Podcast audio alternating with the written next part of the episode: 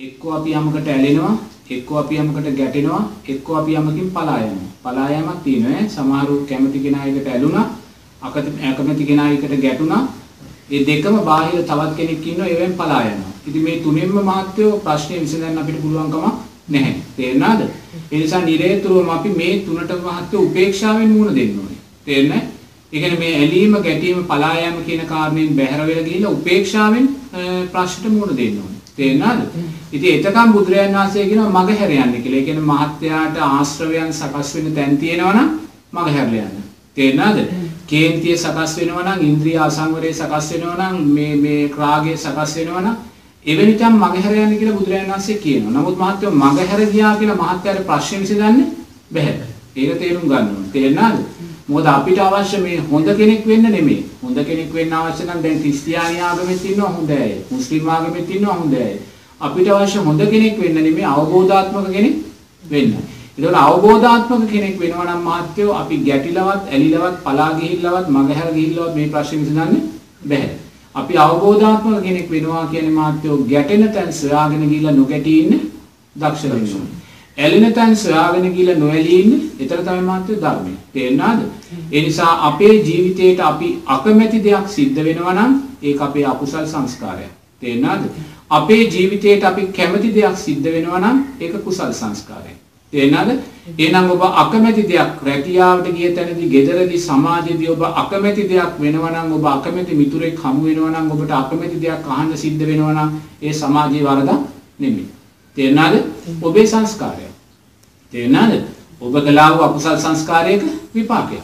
ඔබ අකමැති දෙයක් ඔබට අහන්න, දකින්න ලැබෙන්නේ ඔබේ අකුසල් සංස්කාරයක් නම් ඔබ එයත් එක්ක ගැටලා වැඩක් තියනවද?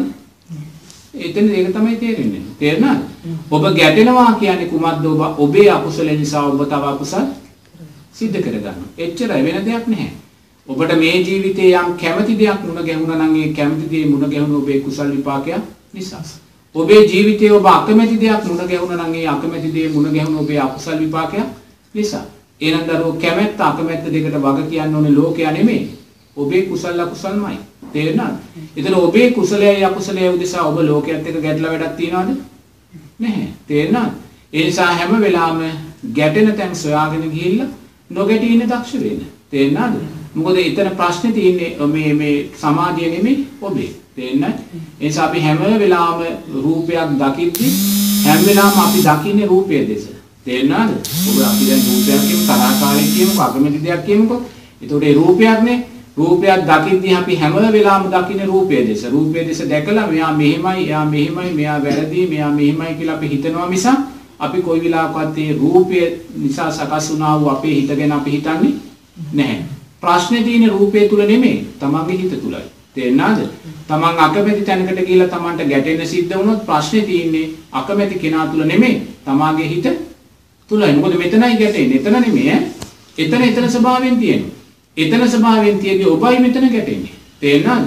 එහෙනම් නිවැරදි වෙන්න ඕනේ මෙතනද එතනද? මෙතනයි නිවැරදි වෙන්න ඕනේ. එහෙනම් ප්‍රශ්නේ තියෙන්නේ අපි තුලයි. තේරෙනවද? ඒ නිසා ප්‍රශ්නේ අපි කවදා හරි දරුවෝ ඔතෙන්ට යන්න ඕනේ. තේරෙනවද? මම දැන් මෙතන ඉන්න වෙලාවට මම මෙතන සතුටින් ඉන්නවා. කැලේට ගිය වෙලාවට කැලේ සතුටින් එතන ස්වභාවයෙන් ඉන්නවා. මට හෙට පිටකොටු හන්දියේ බෝධියේ මාසයක් ඉන්න ඕන තරසා ජනකායක් මැද මම එතන මේ ස්වභාවයෙන්ම ඉන්නවා. තේරෙනවද? එහෙනම් දැන් ප්‍රශ්නේ වෙනස් වෙන්නේ ඇයි? අපි අනුන්ගේ දේ අපේ කර ගැනීම නිසාමයි. ඉතින් ප්‍රශ්නේ තියෙන්නේ අනුන් තුල නෙමෙයි අපි තුලයි. ඒ නිසා අපේ ගැටෙන හිත දිහා බලද්දී අපිට තේරෙනවා මෙතනයි ප්‍රශ්නේ තියෙන්නේ කියලා. තේරෙනවද? ඒ නිසා අකමැති කොයි දේ ආවත් ඒ අකමැති දේ දිහා බලන්න එපා. ඒ අකමැති දේ නිසා ගැටෙන තමන්ගේ හිත දෙස බලන්න. බලලා සිත උපේක්ෂාව කියන තැනට ගන්න. එතකොට ප්‍රශ්නේ